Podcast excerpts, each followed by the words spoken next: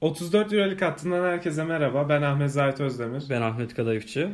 Her hafta sonu Euroleague haftasındaki maçları değerlendireceğimiz, daha çok Anadolu Efes ve Fenerbahçe beko üstünde duracağımız e, haftalık değerlendirme podcastimizin ilkini çekiyoruz bu sezon. E, yeni sezonda her hafta sonu sizlerin evinize veya neredeyseniz oraya konuk olmak için ilk programımıza başladık. Sizin için sürprizler hazırladık. Madem bu kadar ayrı kaldık. E, birleşmişken tamamen birleşelim. Dolu dolu programlar yapalım istedik. Ee, zaten haftalık yaptığımız programımız devam edecek. Euroleague maçlarını yorumladığımız. Bir de ayrıyeten başka bir şey hatta iki şey daha yapacağız. Evet. Sen ne yapacaksın Zahit? Ben her salı günü önceki haftanın e, oyunlarında öne çıkan bir takımı aslında benim gözümde öne çıkan bir takımı ele alacağım bir podcast olacak. Yaklaşık 10 dakika sürecek. Yani o takım hakkında gözüme çarpan detayları konuşacağım. Bir podcast olacak. Her salı bunu yayınlayacağız. Ben de çarşamba günü sizlerle o hafta yine göze çarpan, çarpan bir oyuncuyu hem o haftaki performansına yönelik hem de geçmişe dair e, takımlarından, oyunlarından, e, basketbola ilk tanıştığı evrelerden itibaren size tanıtıp anlatmaya çalışacağım. Hem oyuncuları hem takımları daha iyi analiz etme imkanımız olacak. Yani tabii dolu dolu bir program yaparken e, bir açıdan da endişe duymamız gerekiyor galiba. Oldukça gerekiyor. Çünkü bugün Yasikevicius'un korona testi pozitif çıktı yardımcısıyla birlikte. E, tam biz bunu çekerken e, CSK'da 3 oyuncunun testinin pozitif çıktığını öğrendik. E, ve şu anda yani açıkçası soru işaretleri çok çabuk geldi. Hani geleceğini tahmin edebiliyorduk ama ilk haftanın bitimiyle birlikte böyle iki haberin gelmesi şimdiden bizi kuşkulandırdı açıkçası gidişatla ilgili. Yani e, çok hızlı oldu yani biz e, olabileceğini ama tolere edilebileceğini düşünüyorduk ama bir takımda 3 oyuncunun bir anda olması e, yani işin ne kadar kötüye gittiğini de gösteriyor bence. Ve onun rakibinde iki kişiden pozitif vaka çıkıyor ve sonuç olarak e, protokoller gereği maç öncesinden 2-3 gün önce testler yapılıyor. Demek ki bu testlerde ortaya çıkmayan bir şey maçta ortaya yani maçta yayılım gösterip maçtan sonra insanlar pozitif çıkabiliyor. Yani bu o yüzden son olmayacaktır. Yani ilk haftadan olması e, bunu da gösteriyor. Yani bu biraz gidişat açısından şöyle bir şey veriyor bize. Şöyle bir done veriyor. Ee, mesela önümüzdeki hafta Barcelona Zenit'le oynayacak. Mesela Zenit takımı oyuncuları maça çıkarken neler hissedecek? Staff'ı maça çıkarken neler hissedecek? Şimdi Yasikevicius antrenmanlarda takımla birlikte olamayacak. Muhtemelen maçta birlikte olamayacak ve e, bu gibi sıkıntılar her kulübün kapısına gelebilecek, dayanabilecek sıkıntılar olacaktır. O yüzden hani sezonun ne kadar sağlıklı geçeceği biraz şüpheli açıkçası. Evet kritik bir yere değindin. Ee, Barcelona e, Zenit'li oyuncular Barcelona ile karşılaşırken ne hissedecek? Yani bu işte psikolojik yönetim bence çok zor olacağı benziyor. Bence kulüpler bu konuda e, bir psikolog veya bir psikiyatrist e, ayarlayabilir diye düşünüyorum. Evet. Yani oyuncuları hazırlamak adına hani bir takım arkadaşında Covid-19 çıktığı zaman kendisi maç oynarken kendini ne kadar maça verebilecek? Çünkü her an bana da bulaşabilir korkusu olacak. Yani bu yönden e, hani fiziki olarak oyuncular zaten çok ara verdi ve e, ve hiç hazır gözükmüyorlar. Maçlara geçtiğimizde de konuşacağız. Hı. İşin fiziksel yanı, sahadaki yanı zaten zorken bir de psikolojik taraftan bu kadar zor olması sezonun devamı adına e, bayağı risk teşkil ediyor. Ayrıca şunu da eklemek istiyorum ben burada. Hani şu anda bu sezonun bu şartlarda oynanıyor olması geçen sezonun neden tamamlanmadığını da açıkla, e, açıklamama engelliyor. Çünkü sonuç olarak bu gibi korona vakalarından sonra e, takımlar gerçek güçleriyle ve gerçek e, normal sezon havasıyla maçlarına çıkamayacak. Yani evet. normal sezon farklı bir havada geçecek. Bu çok doğal pandemiden dolayı. Ama geçen sezonda yine pandemi etkisiyle başka bir şekilde bitirilebilirdi. Yine e, pandemi etkisi olmuş olacaktı. Belki farklı bir formül olacaktı. Ama daha e, adil bir sonuçlandırma olacaktı. Yani şu anda mesela sezona giriyoruz 2020-21 ama hala son şampiyon CSK Moskova. Yani en azından geçen sezon şampiyon tescil edilebilirdi. E, bu sezonda yani önümüze bu tarz sorunlar çıkacağı için yine e, şey konuşulacak böyle. Her takımda e o oldu, bu oldu, onda korona çıktı, böyle oldu gibisinden. Hani mesela şu da var. Barcelona CSK iki takım da karşılaştın. Şimdi şöyle düşünelim. 25. hafta iki playoff yarışındaki takım karşılaşıyor. Tam 8. sıra için. Ondan sonra bir takımda korona oluyor diyelim. Korona çıktı ve o, o maçta yıldız oyuncusu gitti. Yani bu gibi çok beklenmedik e, vakalar ortaya çıkabileceği için yine bir soru işareti taşıyacaktır bu sezon. Tamamlandıktan sonra herkes diyecekti ama bu sezon şöyle şeyler yaşandı diyecektir yani. Ya şimdi e, bir bubble kurulsa gibi e, yani herkesin hoşuna giderdi. Yani daha sağlıklı bir basket oynardı ama hani yerellikler bir yandan sponsorluklar bir yandan e, yani Tabii. o da çok zor bir ihtimaldi ama e, acaba sezon bir şekilde tamamlansa ki 2 ay önceki vaka sayıları şu ankiye göre çok daha az hatta şu an daha katlanmış durumda vaka sayıları. Yani bir şekilde oynanabilirdi ve yeni sezonda daha geç başlayabilirdi. Mesela NBA bitti bitecek 3-4 gün içinde bitebilir ve sezon başlangıcı için en erken Ocak sonu Mart başı Ocak, Ocak sonu başı. Şubat başı gibi düşünüyorlar. Yani o zamana kadar hani vakalar düşer mi, bir aşı bulunur mu? Hani daha sağlıklı düşünülebilirdi veya bir bubble kurulacaksa nasıl kurulurdu?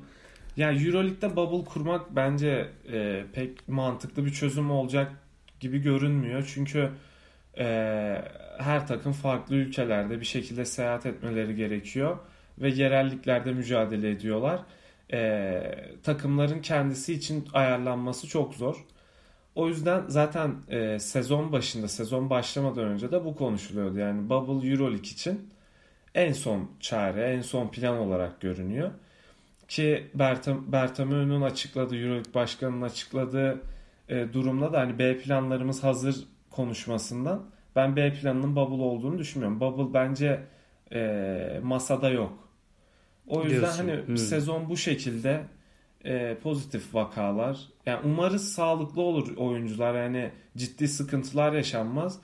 E, yani şu anda Yasikevicius olsun, e, yardımcısı olsun ve CSK oyuncuları olsun. Umarız kısa zamanda iyileşirler ve sahalara dönerler ve umarız olabildiğince az vakayla karşılaşırız. Umarız. Ee, Anadolu Efes Zenit'le karşılaştı abi. Yani hiç alışık olmadığım bir şekilde e, Efes tarafından alışık olmadığım bir şekilde Efes çok az sayı üretti. Neler söylemek istersin abi o maçla alakalı? Abi o maç açıkçası yaşanabilecek bir şey. Çünkü sezon başı e, Efes aslında absürt bir şekilde hani kadro korunduğu zaman hiçbir zaman bu kadar olmaz. Sadece Alec Peters gitti yani tamamen aynı kadro. E, ona rağmen tabii Larkin'in yokluğu, Boba ve Muarman'ın Covid'den dönmesi e, sahaya. Yani onların da etkisi mutlaka olmuştur. Ondan sonra maç içinde e, şey Bryant Dustin'ın sakatlığı gibi böyle faktörler de oldu. Ama Anadolu Efes'in tek maçlık bir sorun yaşadığını düşünüyorum. Bir tık da motivasyon olarak ve sertlik olarak Euroleague e, maçına hazır değillerdi bence ki Zenit VTB liginde 3 tane resmi maça çıkarak geldi bu maça. E, o yüzden Anadolu Efes'in ilk sert maçıydı. Böyle bir şey yaşanabilir ve Mitsic'e çok kaldı top. E, Mitsic de çok tuttu topu elinde. O yüzden bence kabul edilebilir bir yenilgi. E, çünkü devamının geleceğini düşünmüyorum. Yani Umarız, bir şekilde evet. evet Anadolu Efes'in ben toparlayacağını düşünüyorum. Zenit VTB liginde 3 maç oynadın dedin. E, Zenit Efes'e göre çok daha hazır gözüken tarafta. Özellikle hani ilk çeyrekte çeyrekte Mitsic'i oynatmayışları yani Efes'in e, topa yön vermesinde çok zorlandı. Hani Simon devreye giremedi ilk yarıda. E, yani o konuda Mitsic bir yardım alamadı. Ya Mitsic'in yardım alamamasından ziyade ben e, Pascual'e veriyorum krediyi. Çünkü inanılmaz baskılı. Hani her her ikili oyunda yani her perdeye geliyor Dunstan ya da Sertaç kimse perdeye geliyor ve uzun anında ikili sıkıştırmaya geliyor orada. Yani bir şekilde Mitsic sıkışıyor. E, topu vermek istiyor ama çok iyi sıkıştırıldığı için de topu da veremiyor veya vermek istemiyor. E, ama topu başka bir oyuncu getirseydi ve hani en azından Boba maçın başında biraz daha kullanılsaydı mesela veya Simon direkt topu getirerek oynasaydı hani bu gibi şeyler belki ilk etapta çözüm için önemli olabilirdi. Ama ilk çeyrekten sonra ben yine ikinci çeyreğin biraz daha iyi olduğunu düşünüyorum. Ee, tabii yine ritim bulunamadı. Yani sonuçta ilk yarı skoru 26-26. Efes ilk yarıda 3 asist yaptı. Yani bunu tamamen Zenit'in baskılı savunmasına ve Efes'in bu maça hazır olmamasına bağlıyorum ben. Ee, o şekilde yani. Sen ilk yarı ile ilgili neler düşünüyorsun? Hani ikinci yarı bir tık daha farklı görünüyor benim gözümde ama. Ya ilk yarı şöyle. ilk çeyrekteki hareketsizlik bence bench'le çabuk ben halledilebilirdi diye düşünüyorum. İşte mesela ilk çeyrek Boba diye bağırıyordu hani. Hı hı. Yani Boba bence bir noktada girmeliydi. Çünkü e, girer girmez fark yarattı. Hani e, ikinci çeyrek girdi ve 2-3 e, 2-3'lük attı ve takım 2-3 dakikada hemen havaya girdi. Hı hı. E, yani bu havaya girmiş hali 26-26. Hı hı. Yani ona rağmen hani bazı şeyler yine olmadı. İkinci yarı tabii daha toparlanmış gözüktü. İşte Simon'un direksiyonu ele almasıyla e, 9'da 5 ya da 4 üçlük atmış olması lazım Simon'un 9'da da. 4 attı.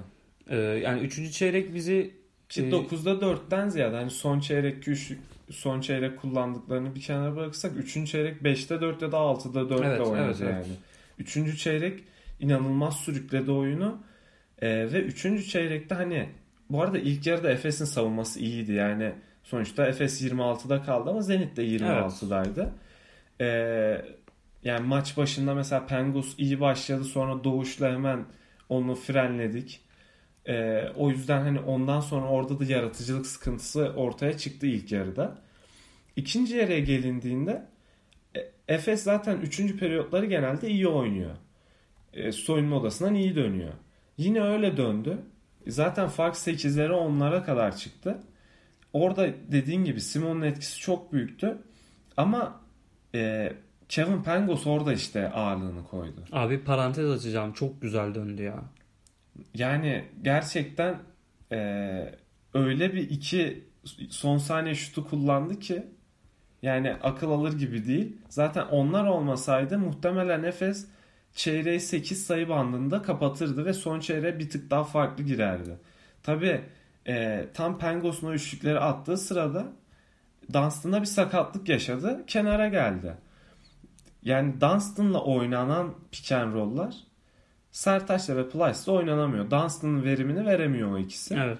E, her ne kadar farklı yönlerle öne çıksalar da Dunstan'ın verimini veremiyorlar ki ben Sertaç'ın savunmada çok Dunstan'ı aratmadığını düşünüyorum. Hani faal problemine girmese Evet. e, Sertaç'ın çok arattığını düşünmüyorum. Ya kendisi de çok şaşırıyor faal yaptıktan sonra. Hani hiçbir zaman hani faal Ya. yaptıktan sonra tamam beyler ben yaptım problem yok devam edelim oyunumuza bakalım değil de her faalden Ya. sonra ya bu nasıl faal?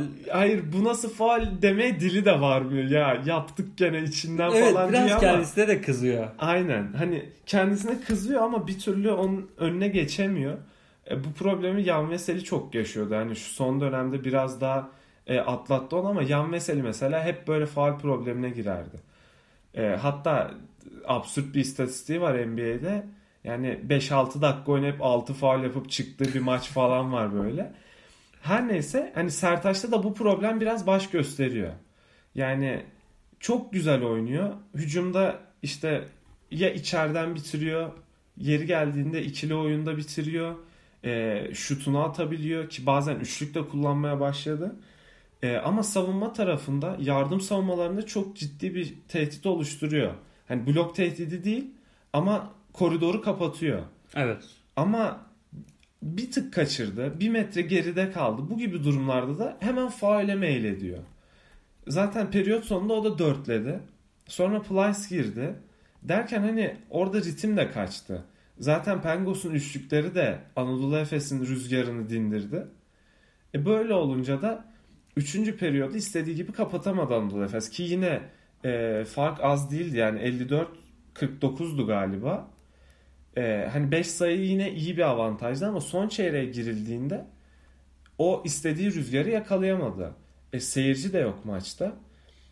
Son çeyrekte etkili bir oyun ortaya koyamadı yani açıkçası. Son Hep- çeyrekte evet abi. Hep birebir oynamaya gitti. Birebir çözüm aradı. Ee, hatta son topa gelecek olursak yani Muerman Pengos eşleşmesi vardı galiba içeride. Oraya indiremedik. Sonra Simon airball attı. Singleton'ı kaç kere göremedik. E, aynen öyle. Yani bir tık sıkıntılı oldu. Bunun bir sebebi de Efes koşamadı.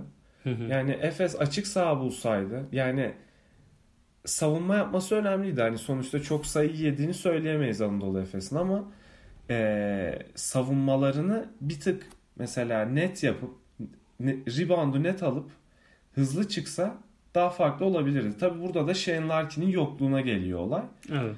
E, yani Shane Larkin olsaydı Vasilya Mitsic'in baskısı üzerindeki baskı e, bu kadar olamazdı. E, doğal olarak hani iki oyuncuya veremezdi o savunma yoğunluğunu Pascal. E, onun da çok büyük bir etkisi olduğunu düşünüyorum. Ama Şey- yine de e, ben hani bu sahadaki kadronun e, Shane Larkin'in geçen sene sakatken yani sakat olduğu bir periyot vardı. Evet. E, yine deplasmanda işte Alba Berlin'e falan 110 sayı attığı maçlar var. E, yani bu kadro e, Larkin'in yokluğunu hissettiremeyecek bir kadro belirli rakiplere karşı.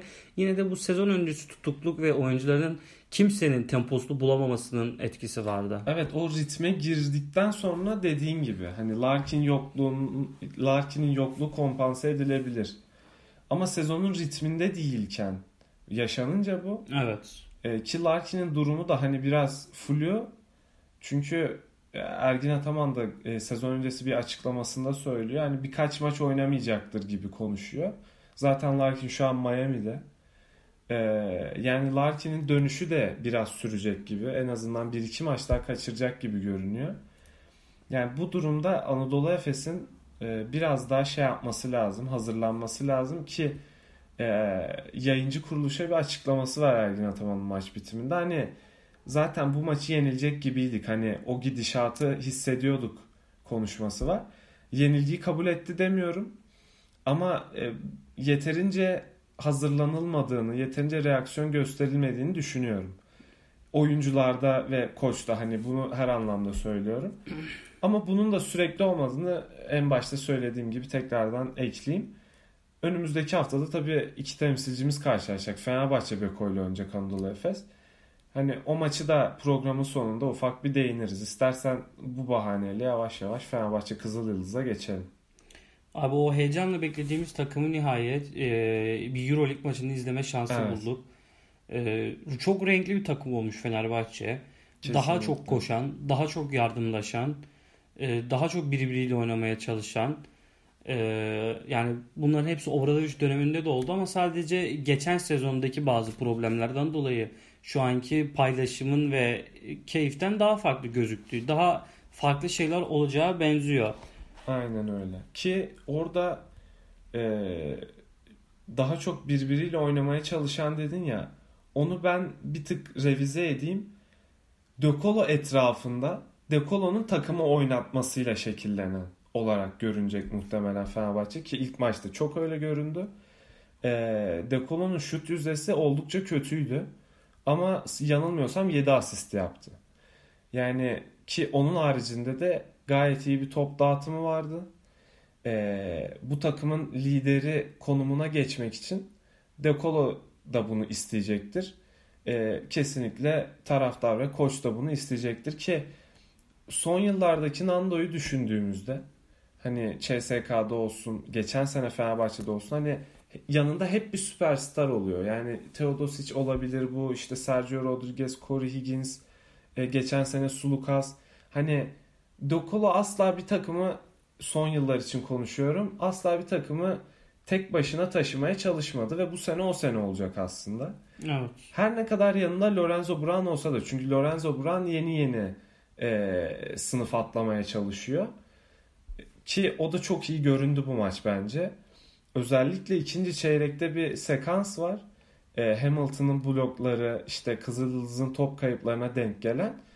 Orada veya dengesiz şutlar sonrası alınan net reboundlar. Orada ya De Colo ya Brown. Top onlardan birine gidiyor ve sürekli koşmaya başlıyor takım.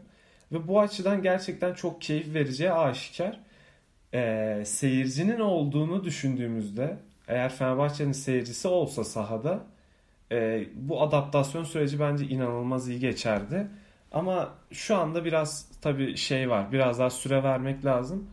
E, çünkü mesela Dechampierre, Girardi, Johnny Hamilton yani ne diyorsun onların hakkında? Ya e, Hamilton'dan başlayayım. Bence savunmada dinç gözüktü. Yani Hamilton'a e, hani ligden de izledikleri için biraz ön yargılı yaklaşıyorlardı. E, ama bence e, Bench için bence güven verdi bu maç. Yani bu maç ne kadar ölçü bilmiyorum ama e, Gerald Eddy'ye gelince Eddy'nin biraz e, şutu beklendi ama kendisine yani o pozisyon yaratılamadı. Evet. Sezonun devamında ama mutlaka Gerald Eddy için hani Jason Carroll tarzı setler e, geliştirilecektir diye düşünüyorum. Mutlaka. Çünkü e, maç içinde de artık hani yeter ben de bir şutumu bulayım şutu var. Bir tane yani tepeden bir şutu var. Ki Çok zor bir son şut. çeyreğin hani oyun koptuktan sonra bulunan bir şuttu yani. Evet yani artı atmam lazım. Hani ben bir maçı üçlük atmadan tamamlayamam gibi bir Evet. şuttu. Ee, o da girdi. Dechampierre e, bence yine o da reboundlarda iyi katkı sağladığını düşünüyorum. Hani bir skor katkısı alınamasa da bence yine o da sezonun devamında uyum sağlayacaktır. Yani genel olarak takım e, anlaşıyor gibi değil. Hani Ulanovas olsun hani çok nokta şütör biri değil Ulanovas. Hiçbir zaman e, o karakterde biri değildi. Evet. İşte maçın başında e, 3'te 3 3'te 3 ile üçlük atması işte Bartel'in savunmada yani bir, bir iki pozisyonda yavaş kalmasına rağmen genel olarak iyi gözükmesi e, onun dışında hani eskilerden olmasına rağmen Veseli'nin e, savunmada hem savunmada hem hücumda e, savunmayı Veseli tutsun değil takımca yapılan bir savunma takımca ida- idare edilen bir e, hücum yani topun Veseli'ye gerilmesi beklenmiyordu hücumda. Bir top paylaşımı var. Veseli pikini yapıyor. Devrilirse devriliyor. Yani pick and roll'den sonra top Veseli'ye atılmak zorunda değil. Hani son sezon biraz daha sıkışıyordu ve biz Veseli'nin eline bakıyorduk. Yani Veseli'den top dağıtmayı aslında Obradovic eee, o şey yararlı buluyordu ve çok iyi de bir opsiyon yaratıyordu bu açıkçası. Hani eline bakıyorduk demek doğru değil belki ama eee, onun ondan yaratılan opsiyon oldukça etkili oluyordu. Eee, şu anda Veseli'den hani o opsiyon yine var. Çünkü Veseli artık o beceriyi edindi. Yani bu beceriyi yine kullanacaktır. Ama e, Kokoşkov'un yaptığı değerli şey yani bu takım için, bu kadro için konuşuyorum. Yani Obradovic'le karşılaştırmak için değil. Bu kadro üstünde yaptığı şey e, De Colo, Lorenzo Brown, Ulanovas. Yani bu üç oyuncu takımın yaratıcılığında e, ana şey başı çekiyor. Ki Ulanovas'ın da ben e, iyi olduğunu düşünüyorum oldukça ilk maçta. Hani zaten e, her maç 3 tane üçlük atacak bir oyuncu değil. Evet. Yani bununla bununla pek rastlamayız. E, ama Maç başı 3 tane top kullanıyormuş galiba e, ortalama. Üçlükten mi? Hı hı. E, olabilir. İlk periyot sadece 3'te 3 üçlüğü var. Evet mesela. Ya ondan sonra e, ben Ulanovas için şuna değinmek istiyorum. Üçüncü çeyreğin başında özellikle çok ard arda Ulanovas'tan oynadık. Yani o dönemde e, De Colo ve Brown çok şey yapmadı. Sete sette Ulanovas üstünden ya post-up yaptık. Ulanovas Veseli ikili oyununu gördük ki bu iyi bir opsiyon yaratabilir zaman zaman. E, böyle daha ağır e, forvetlere karşı etkili de olunabilir buradan. E, Ulanovas'ın o yüzden o opsiyonu biraz hani Vesel'in üstünden yük aldığını düşünüyorum. Çünkü yani mesela geçen sene Nikola Kalinic vardı. Nikola Kalinic'in post-up'ından çok daha değerli bir Ula, e, Ulanovas post-up'u var şu anda. Yani o e, katkıyı vermesi çok değerli olacak. Lorenzo Brown'a gelince e, oyunun içinde zaman zaman top kayıpları da yaptı. Tabii De Colo da yaptı yani bunu. Top kayıplarını tolere ettikten sonra çok bir sıkıntı arz etmeyebilir. Özellikle sezonun baş döneminde. E, Lorenzo Brown koştuğu zaman ama Fark Yani yaratıyor fark yaratıyor. Yani Nando De Colo için iki türlü de okeysin. Ama Lorenzo Brown koşuyorsa e, artı 5-10 falan yazarsın yani. Öyle görmek istersin Lorenzo Brown'u. Ki bu maçta da Kızıl Yıldız'ı çok top kaybına sürüklediği için Fenerbahçe Beko e, bunu sıkça gördük. Özellikle ikinci çeyrekte olmak üzere ki farkın açıldığı dönemde orası oldu. E, ama e, ilk başta sana sordum. De Jean-Pierre Geraledi ve Johnny Hamilton hakkında ne düşünüyorsun diye. E, ben de bir yorum belirteyim. De Jean-Pierre yani bu üç oyuncu da Euroleague tecrübesi olmayan ve ilk kez Euroleague maçına çıkan isimlerdi. Ve tam olarak da öyle bir oyun sergilediler. Sürelerinden yani, de belli olduğu üzere. E, aslında süreleri hani oyuna etkilerinden daha fazla. Yani 18 dakika civarı evet, oynuyor evet. Pierre ve Eddie bu maçta. Yani o kadar hissettirmediler. Sanki 5 dakika oyunda gibilerdi. Çünkü e, hücumda gerçekten Kokoşkov maç sonu röportajında da söyledi. Hani bugün biraz dar rotasyonla oynamak durumunda kaldık ama e, derin bir kadromuz var dedi. Yani bu bu maç özelindeydi. Ben zamanla özellikle Pierre'in e, sırtı dönük olsun e, veya bazı uzunlara karşı penetreleriyle olsun iyi katkı verebileceğini düşünüyorum. Çünkü bu maçta basit hatalar yaptı. İlk Euroleague maçıydı kabul edilebilir. İşte Ceraledi'ye çok pozisyon yaratılamadı kabul edilebilir. John Hamilton bana kalırsa 3 bloğu var zaten 3. çeyrekte. Şey 2. çeyrekte. Ee, o dönemde bence savunma anlamında güzel güven verdi. Yani sonuçta Veseli var zaten senin takımında. Her türlü switch'i yapabilen işte enerjisiyle e, sahayı böyle şey yapan, domine eden.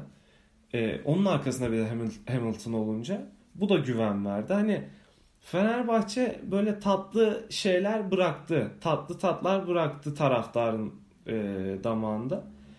Ama e, yine de bu ilk maçta Kızıl Yıldız'ın kötü olmasından dolayı da Fenerbahçe'nin daha iyi olduğunu düşünüyorum. Çünkü e, Walden, Langston Hall ve şey Lloyd. E, Jordan Lloyd aynen.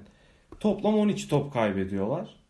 E, hatta Langston Hall'u bir kenara bıraksak Lloyd ve Walden beşer top kaybediyor.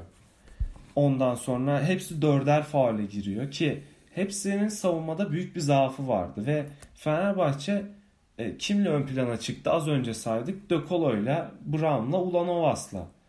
E, bu üç oyuncu da kısa. Hani Ulanovas onlarla eşleşmedi ama hani kısalar 4 faal ve kısalar kötü savunma yaptı bence. E, bunun da etkisiyle bir, bir tık daha iyi göründüğünü düşünüyorum. O yüzden mesela önümüzdeki hafta Anadolu Efes maçı kritik bir sınav olacak Fenerbahçe için.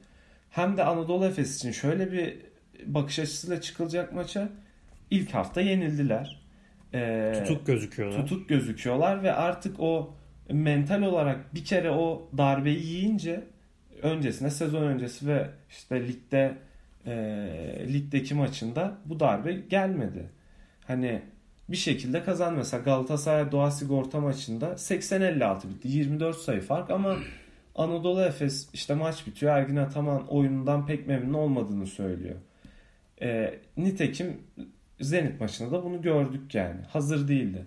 Şimdi önümüzdeki hafta o maçta iki takım içinde e, fikir edinmek için daha doğru olacaktır. Fenerbahçe için aslında o süreyi biraz daha uzatabiliriz. Efes oturmuş bir takım çünkü. Fenerbahçe için bir 3-4 maç görmek lazım bunun üstüne. Ee, ondan sonra yavaş yavaş sezonla ilgili daha net bir beklenti içine girilebilir ee, diye düşünüyorum. Bir şey dikkatimi çekti. Dekolo'nun savunma zaafından bahsediyorduk. Dekolo çok fazla işte Lloyd'a, Walden'a hücum faal yaptırdı. Yani bu anlık gelişen yani pozisyonu anlık gelişimi olduğunu mu düşünüyorsun yoksa Dekolo'nun artık karşılarında daha sabit durmasından mı kaynaklanıyor?